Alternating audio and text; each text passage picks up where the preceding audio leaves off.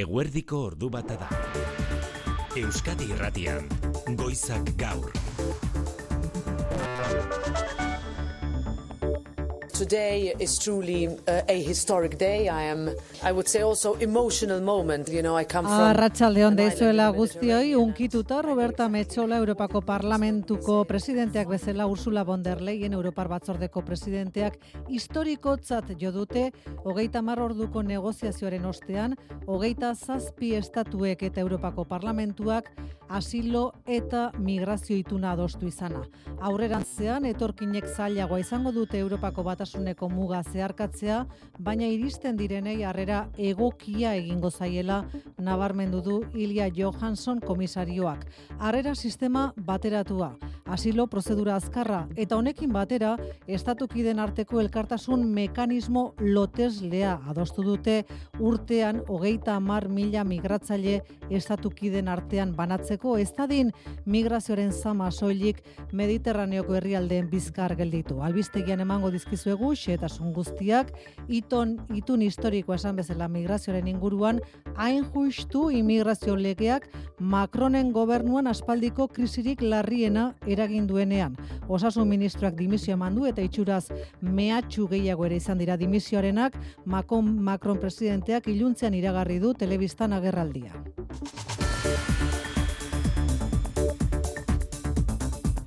Etxean gizerdian jakin dugu Jorge Jimenez, Alberdani argitaletxeko editorea hildela. Gaixotasun batek eraman du irurogeita zazpi urterekin, irunen jaiotako editorea, itzultzailea, etxe honetako kolaboratzailera izan zen, garai batean Manu etxe sortu arratsaldea. Kaixo maite. Ba bai, gaixoaldi luzeak ekarri dio eriotza irurogeita zazpi urterekin Jorge Jimenez Beki. Baina kultur leioa saioko kazetariok azken uner arte ikusi dugu liburu aurkezpenetan. Idazlen ondoan, duela egun gutxi ikusi dugu eneko aizpuruaren gaueko azken espresoa liburuaren aurkezpenean. Mila bederatzeun da laurogeita merugarren urtean sortu zuten Albertani argitaletxea berak eta Inazio Mujika iraolak eta argitaletxearen itzala erakusten duen datua maite. Bi aldiz irabazia dute Espainiako sari nazionala beraiek plazaratutako liburuek. 2003an Maria Zulandaren Krokodiloa oe azpian liburuak aurre eta gazte literaturan eta 2010ean Angel Ertsundiren eskarmentuaren paperak entseguarekin irabazi zuten sari nazionala. Jormenez, argitaletxearen edo editorearen lan irudikatzeko zilborestearen metafora erabili oizuen. Nik esango nuke nolabait ere e, berez e, argitaratzailearen lana, editorialen lana zilbor este, estea dala, ez da egile eta e, irakurleen arteko zilbor este nolabaiteko bat gera, ez da ala ikusi nahi dugu behintzat, bai, algorito zego, eta gure artean batzutan, ba, bueno, ba, aldala, aldala bintzet giro onaren alde eta eta eta kidetzaren alde jakina. Eguneko beste lerroburuetan Inigo Alusti Zarratsaldeo. Baita zuri ere maite. Núñez Feijo, PPko presidenteak azkenean baiezko eman dio Sánchez Espainiako gobernuko presidentearekin elkartzeko egindako enplazamentuari. Diálogo cuando quiera, como quiera, pero diálogo y no berrinche. Como quiera, sin mediador. Donde quiera, en Ginebra no, en el Congreso de los Diputados. ¿Cuándo? El próximo viernes. Etzi ¿Y cómo? elkartu nahiko luke soberbia. besteak beste iruñeko zentsura mozioa eta amnistia legea geldiarazteko eskatzeko Sánchezek ordea hiru itun proposatu nahi dizkio buruzagi popularrari, botere judiziala berritzeko, finantziazio autonomikoa erreformatzeko eta konstituziotik gutxitu edo gaztelaniazko disminuido hitzak kentzeko. Iruñan bide batez bihar espada, etzirako itxinaiko lukete gobernu akordioa EH Bildu. Gero abaik eta zurekin Nafarroak. Eta Bizkaiko foru aldundiak bezala arabakoak ere, euneko biterdiko deflaktazioa ezarriko du datorren urtean errentaren gaineko zerga. Herritarrek inflazioaren ondorioei aurrekin diezaieten euneko biterdiko deflaktazio proposatu zuen finantzen Euskal Kontseiluak, baina Arabako batzar nagusietan popularren babesa behar izan dute jeltzaleek eta sozialistek hauek hainbat kenkari eta obari onartzaren truke herri txikienetan bizi diren biztanleentzat edo adinekoak zaintzen dituzten familientzat. que a la vista del posicionamiento del PNV y el Partido Socialista, el Partido Popular va a garantizar que en Álava se va a Ikusteko dago popularrek jarrera bera izango ote duten Gipuzkoan eta beraz eutxiko ote zaion harmonizazio fiskalari Euskal Autonomia Erkidegoko hiru aldeetan. Gai ezera bat aldatuta deban, irurogeita amabost urteko emakumeren eriotza eragin zuen tiroa, basurde uxaldi batetik nahi gabe atera zela uste du ertzantzak Josu Erkoreka, segurtasun zailburuak gaur emandako azalpena. Hau ez dela borondatez edo naita egindako helburu bat, baizik eta ez ustean gertatutako ondori bat. Hemen, e, disparok egin ziren beste helburu batetarako, hain zuzen ere, batide bat egiten zeuden eta animaliak e, hilteko, eta beraz, ondorioa ez da naita bilatutako ondorioa, baizik eta suerte txarrez edo ez ustean gertatutako helburu bat. Eguzkine iturriotze Euskalme, Arratsaldeon. Arratsaldeon. Nola datu zurren gorduak eguzkine? Ba, euria egiten jarraituko du, zaparradak botako ditu, baina hemen kasakabanatuko dira eta noizbenka botako ditu. Euri gehien kantauri surialdean egingo du. Egualdera oso noizbenka iritsiko dira zaparradak eta zaparrada eta zaparrada artean ostarte txiki batzuk ere ireki daitezke. Iparmende baldeko aizea zakarri biliko da, bolada gogorrekin aizegunetan, bereziki kostaldean eta ebroi barrean. Eta biharko abitzetan eguzkine? Antzera jarraituko dugu, zaparradak botako ditu eta iparmende baldeko aizea zakarri biliko da, baina gaur baino euri gutxiago egingo du. Eskerrik asko errepidetan balda eragozpenik, aloina beraza? Bai, Bizkaia Nazional berreun eta berrogei errepidean bueno, leguten urbina parean bilborako noranzkoan bi autokelkar jo dute, ezkerreko irreia oztopatzen ari dira honetan eta trafikoa motel dabil. Arritxuri barra ratzaldeon. Baita zuri ere. Ordu bat aterdietan kirolegez eta besteak beste atletikek gaur ligako partida du, eh? Bai, gaur eta bihar Euskal Talde kurteko azken liga partiduak izango dituzte. Atletikek gaur bederatzi terdietan Las Palmasen aurka jokatuko du San Mamesen.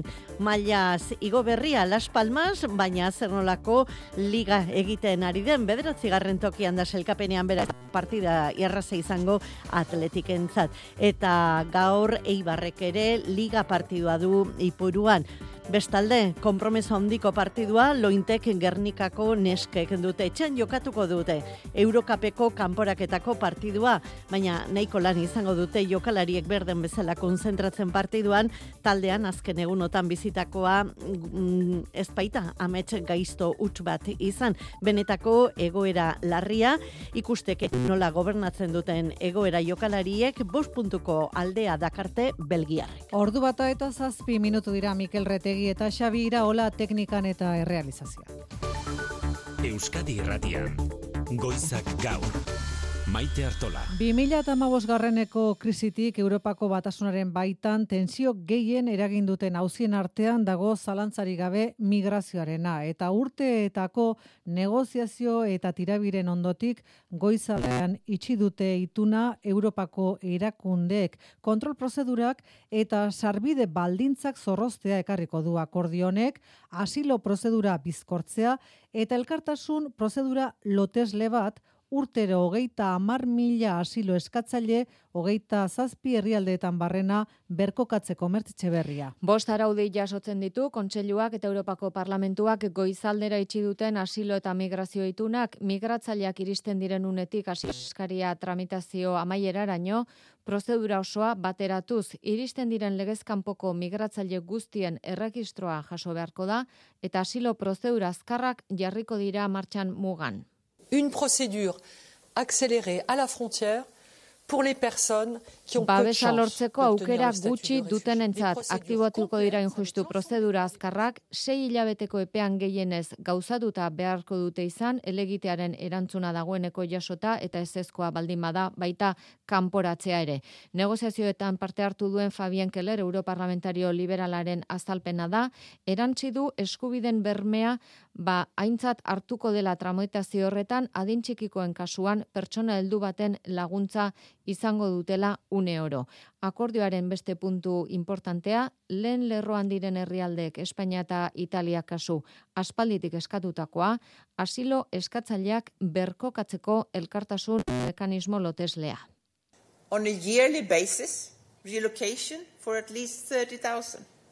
Urtero hogeita mar mila pertsona, hogeita zazpi herrialdeen artean banatzea berkokatzea da helburua Ilia Johansen komisarioak azaldu duenez, orain artekoa baino sistema sendoagoa defendatu du komisarioak eta loteslea bai baina malgua migraltzaileak hartu nahi ez dut hartu nahi ez dituzten herrialdei aukera emango zaie horretarako baina hogei mila euro ordaindu beharko dute jaso ez duten pertsona bakoitzeko. Urte luzetako tirabiren ondotik gaurko egun historikoa jo dute batzordeko eta parlamentuko presidentek, akordioak parlamentuko hiru talde handienen babesa du, talde sozialistarena, talde popularrarena eta renew zentrista liberalarena, parlamentuko osoko bilkurak eta kontseiluak berrestea falta da orain eta hori gertatu gertatuko da espero da datozen aste eta hilabetetan indarrean sartu alizateko. Frantzian, bi mitartean, Asamblea Nazionalak bart onartu du inmigrazio lege polemikoa azkenean lepenen alderdiaren babesarekin eta honek krisia eragindu Macronen gobernuaren baitan. Azteko, litekena da, esan du Elizabeth Born, lehen ministroak berak, testuak edo testuko hainbat atalek konstituzioa urratzea. Dimisio bat ere jada eragindu Macronen gobernuan lege honek, osasun ministroarena, Macronistekin batera eskuinak eta eskuin muturrak babestu dute legea esan bezala, baina krisi hau ikusita, ikusmin izugarria piztu du gaur iluntzeko zazpietan, Macron presidenteak berak telebistan egingo duen agerraldiak Iñaki Esnal Paris Arratsaldeon. Arratsaldeon kontseilu konstituzionalera joango da orain gobernua eurek onartutako eta eskuinarekin adostutako hainbat xedapen bertan bera usteko. Donc le président de la République va saisir le Conseil constitutionnel. Il peut y avoir des dispositions sur lesquelles nous avons alerté. Born lehen ministroak dio ohartarazi zutela hainbat puntu konstituzioaren aurkakoak izan zitezkela. Adibidez, frantses maila bat eskatzea familiako norbaitekin Frantzian elkartu nahi duen norbaiti. Baina dena den, lehen ministroak ziurtatu du egin beharrekoak bete dituztela eta berriz nabarmendu dute ez zituztela eskuin muturraren botoak behar inmigrazio legea onartzeko. Hori ez da era bategia, izan ere atzo asamblean bilgune nazionalaren kontrako botoarekin, eitzateke legea onartuko, baina hori gertatu da Macronen gehiengoko berrogeita mazazpi diputatuk ez dutelako alde bozkatu. Gaur, age emozionala da nagusi Macronisten artean, eta azkenean baiestatu da osasun ministroak dimititu egin duela. Arratsaldean Macronek elkarrizketa emango du telebista publikoan giroa baretzeko, izan ere Macronista askok euren buruari galdetzen diote non gelditu ote diren euren balore politikoak. Ez omen dira ezkerrekoak ez da eskuinekoak ere, baina ultra eskuinak babestutako eta ospatutako imigrazio legea onartu berri dute. Madrilen bien bitartean ostiralean eta diputatuen kongresuan elkartuko dira Sánchez Feijo. CGPJ berritzea da, peso erantza dakizuenez bilera honen lehentasuna, baina gaur argi utzi ditu bere baldintzak Núñez Feijo popularrak. Amnistia legea eta Ibarrolaren aurkako zentsura mozioa indargabetzea agendan egotean nahi du. Kongresuan gaur ere aurrez aurreko garratza izan da, Feijok independentisten Espainia humilatzea leporatu dio Sánchez presidenteari eta honek berriz erantzun etorkizunean ere izango direla alderdi abertzalekin akordio gehiago Madril nerea sarriegi arratsaldeon. Arratsaldeon bai bi aste pasadira Sánchezek konbitea egin zionetik eta gaur onartu du Feijok azkenean presidentearekin biltzea aurretik gutun bidez bere baldintzak argi utzita gero aurrez aurrez esan dizkio.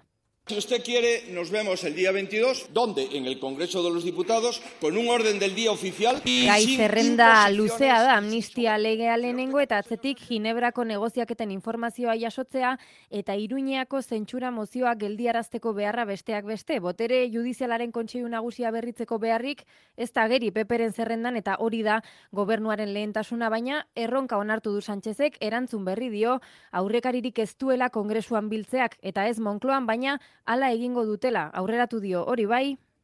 Queremos esos acuerdos, señorías, con partidos nacionalistas, con partidos independentistas. Alderdi abertzaleekin eta independentistekin akordioak isten jarraituko dutela, hain zuzen EAJak, EH Bilduk, Eskerrak eta Junsek leporatu diote gaur, Europar Batasuneko Kontseiluaren presidentzia maituta Espainiak ez duela lortu Bruselako erakundetan Euskara, Katalana eta Galizieraren ofizialtasuna aitortzea eta gaitzetsi dute erkidegoek parte hartze eskasa izan dutela. Urrats horrek gure hizkuntza merezi duen lekuan jarriko luke. Que podien haver aprofitat molt millor l'oportunitat que han tingut. En el Parlamento Europeo se puedan hablar lenguas. Zuk esan dozu, autonomia elkarteak partea hartzea eukida bela eta gitxi. Gauza berezirik ez. Izan ere Europako presidentzia zen gaurko gaia, Feijo Sánchez aurrez aurrekoa gailenduko bada ere.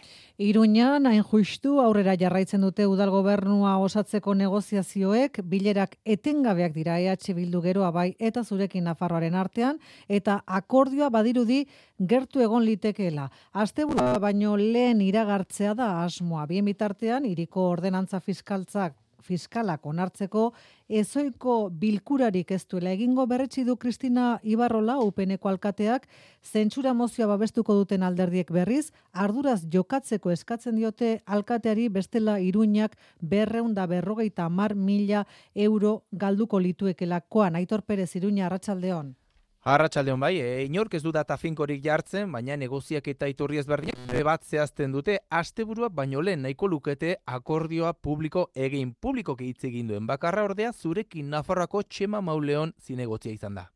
Esta semana eh, seguro que somos capaces de ya concluir el proceso. Xeetasun txiki batzuk besterik ez direla falta dio eta hartu emanak etengabekoak izaten ari direla alik eta lehen akorde hori isteko. Iragarpena heldu bitartean ordea iruñak datorren urterako izango dituen orden, ordenantza fiskalak dira polemika ituretan ere UPNek aurkeztutako proposamena hau batez unartu zuten hasiera batean alderdiek batzordean, baina udal bilkuran berretxi behartzirenean Kristina Ibarrolak bertan berautzi zuen bilkura horia eta zentsura mozio aurkeztu zela argudiatu. Ta oposizioaren eskaerei muzin eginez, Kristina Ibarrolak orain ez du ezoiku bilkurarik deitu nahi, eta iruñak berreun eta berrogeita mila euro galtzen baditu Joseba Sironen ardura izango dela esan du.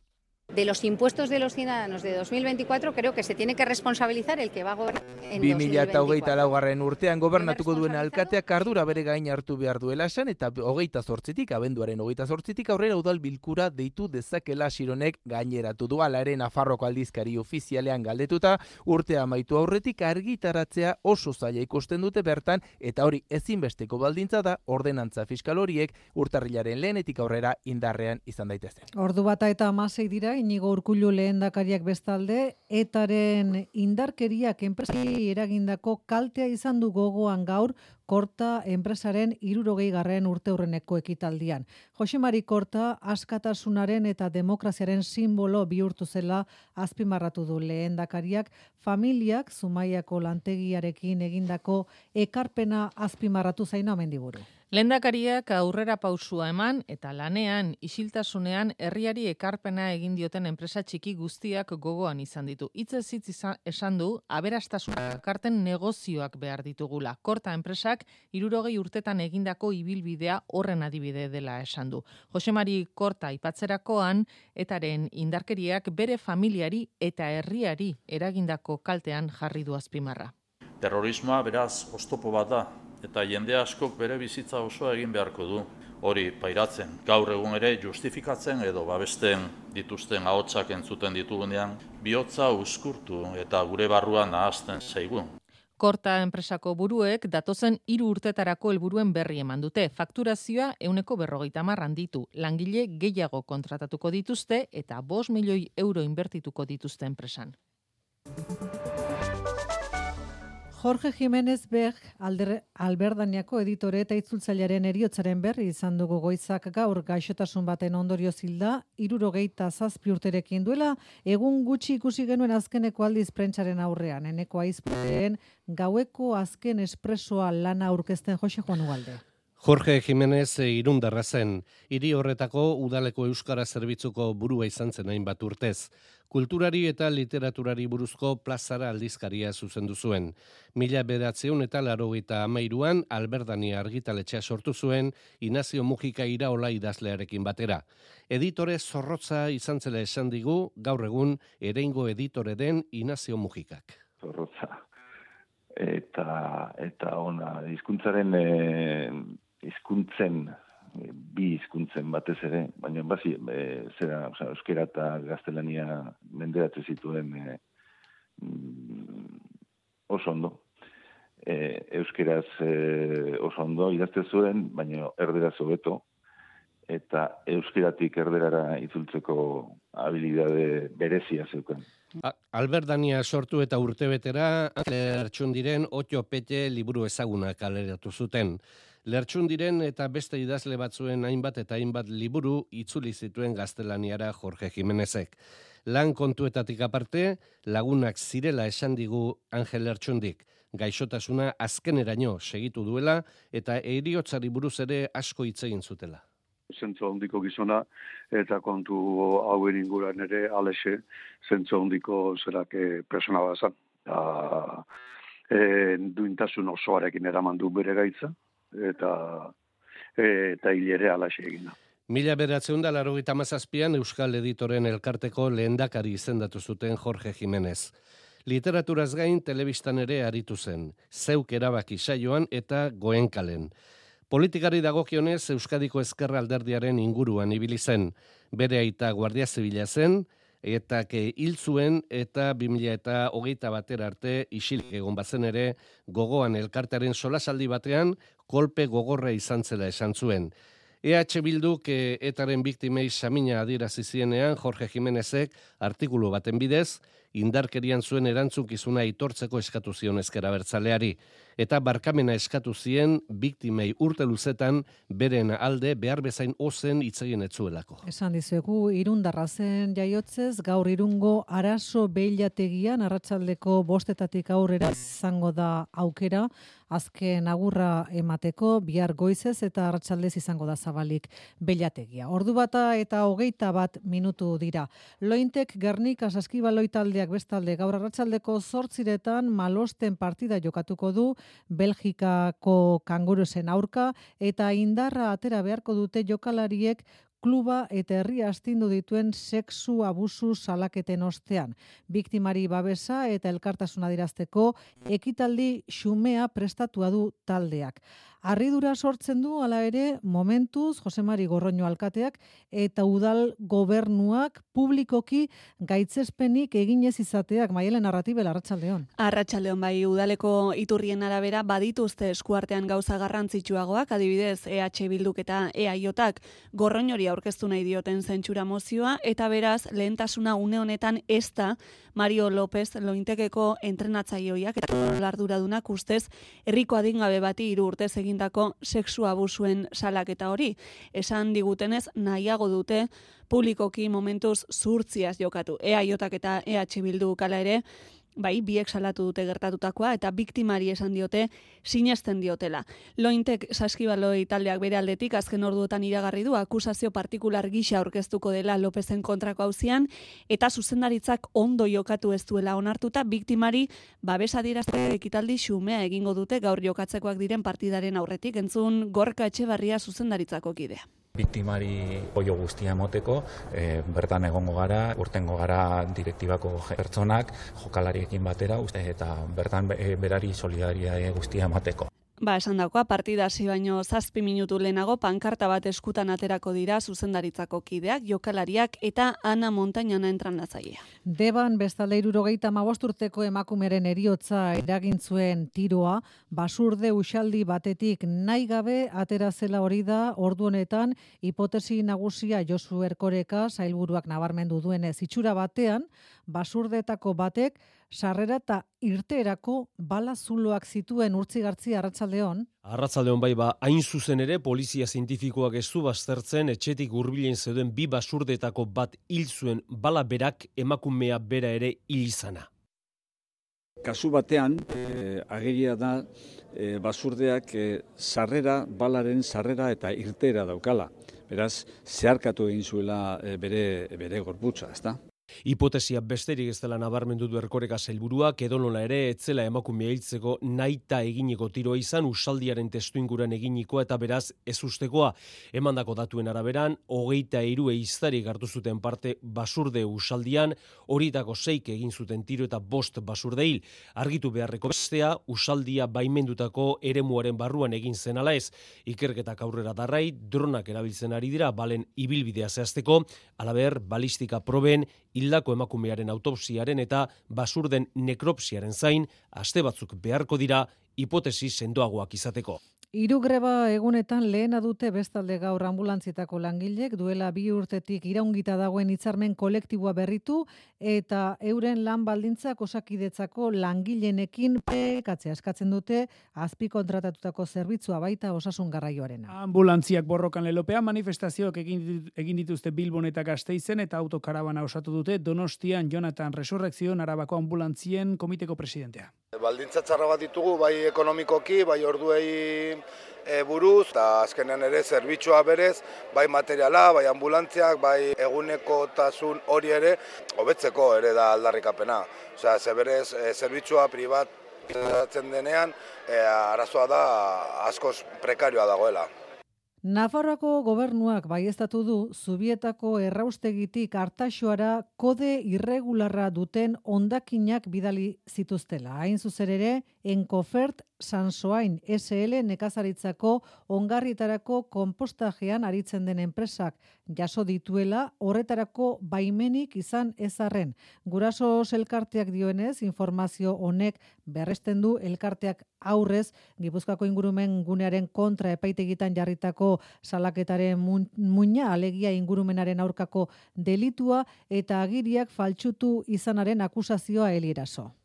Bai, EH Bildu Foru Parlamentuan egindako galdera bati erantzunez argitu du Jose Maria Ierdi Nafarroko ingurumen konseilariak Zubietako erostegitik hartaxuara bidalitako ondakin likidoak etzeudela behar bezala izendatuta, industria ondakin uren tratamentu biologitotik eratorritako loiak ziren, baina beste kode bat jarri zieten izan ere hartaxoako enkonfert sansoain enpresa, nekazaritzako, ongarrietako kompostajean aritzen da, eta ez du lixibiatuak kudeatzeko baimenik. Horrez gain, Nafarroko gobernuak jakin du ingurumen ikuskaritza aztertzen ari dela gaia, eta Guardia Zibilaren informazio eskaera ere jaso duela. Ba, Joseba Belaustegi gurasoseko eledunak adierazi du, elkarteak jarritako salaketa berresten duela Nafarroko gobernuaren informazioak. Faltzutu egintzan kodea, han hartasoan onartu al izateko. Zeukalako baimenik errostegi bateko lizibiatuak edo ondakinak tratatzeko, ez? Ordun, hau oso larria dela, erantzunkizun politiko batzuk argia daudela eta egoerak horrela ezin duela jarraitu eskatzen deguna da berriro ere, ba, kanpoko auditoria independente bat abiatu behar dela, kontrol demokratikoa en zuzen e, jardura honena, ez? Gogoratu gurasos elkarteak Gipuzkoako bosgarren instrukzio epaitegian, Gipuzkoako ingurumen diputatuaren eta hainbat arduradunen salaketa jarria duela, ingurumenaren aurkako delitu eta dokumentuak faltsutzea leporatuta. Arabako aurrekontuekin gertatu ez bezala, datorren urtean personen gaineko errentaren gaineko zergan, euneko biterdiko deflaktazioa ezartzeko akordioa lortu du Arabako foru gobernuak alderdi popularrarekin. Akordio egin dute, popularreko gasun batzordean hainbat neurri onartzaren truke Iturnietxe berria gazteiz, Arratxaldeon. Arratxaldeon bai fiskalitatearekin lotuta alderdi popularrak proposatutako hainbat keinkari eta hori onartu ditu foru gobernuak, besteak beste, bosteun biztanle, baino gutxiagoko herri, herrietan bizi diren herritarrek landa eremuko ekintzaile berriek edota adinekoak zaintzen dituzten familiek gutxiago ordain dezaten. Ana Moralesek alderdi popularreko bozera maleak iragarri du, puntu hauetan akordioa egin eta gero deflatazioa araban bermatuta dagoela que a la vista del posicionamiento del PNV y el Partido Socialista, el Partido Popular va a garantizar que en Álava se va a aplicar una deflactación Hortaz, ostiraleko kontrol saioan popularrek abstentzioaren bidez errentan euneko 2,5 deflaktatzeko finantzen Euskal Kontseiluak adostutako neurriak aurrera egitea ahalbidetuko dute. Helburua da, pertsonen gaineko errentaren gaineko zergaren taulak datorren urtean ere egokitzea inflazioari eta prezioen igoerari aurre egiteko herritarren poltsikoen mesederako. Eta nazioartean gazan suetena lortzeko negoziatzen dira Israel eta Hamas eta testu inguru horretan Egiptora iritsi berria da Ismael Hanille, Hamaseko buruzagi politikoa. Sueten hori onartzeko presio egiten ari zaio nazioartea Benjamin Netanyahu Israelgo lehen ministroari, baina presio hori areagotu eginda Israelen bertan ere armadak nahi gabe hiru baitu hil ondoren landerra izagirre arratsaldeon. Arratsaldeon bai suetenaren iraupena eta askatu beharreko preso eta baituen profilari dira negoziatzen une honetan Israelgo eta Hamaseko ordezkariak negoziazioak Barsobian hasi dira Katarren Mosaden eta Ziaren arteko bilerekin eta azken orduotan Kairora pasatira Ismail Hanilla Hamaseko lider politiko ere bertan dela.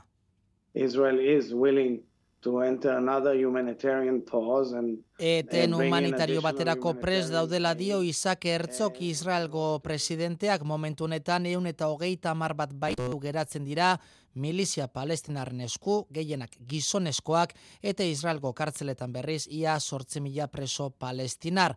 Azaroko etenak aste bete iraun zuen eta baitu bakoitzeko hiru preso palestinar askatu zituen Israelek emakumeak eta adin txikikoak guztiak, baina negoziazio hauetan gaixo dauden gizoneskoak eta delitu larriak dituztenak ere sartu nahi lituzkete ekuazioan negoziazioak itxibitartean ebazpen bat adostu ezinik jarraitzen du nazio batuen segurtasun kontseiluak eta Israelgo armadak gazaren aurkako bombardaketak gogortu ditu. Krisi humanitario handia da eta UNICEFen arabera gutxieneko urko puruaren euneko amarra ari dira jasotzen soiek gazan bizi diren adin txikikoak.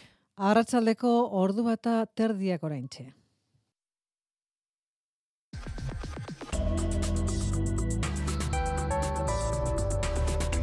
Euskadi Irratian, eguraldia eta trafikoa.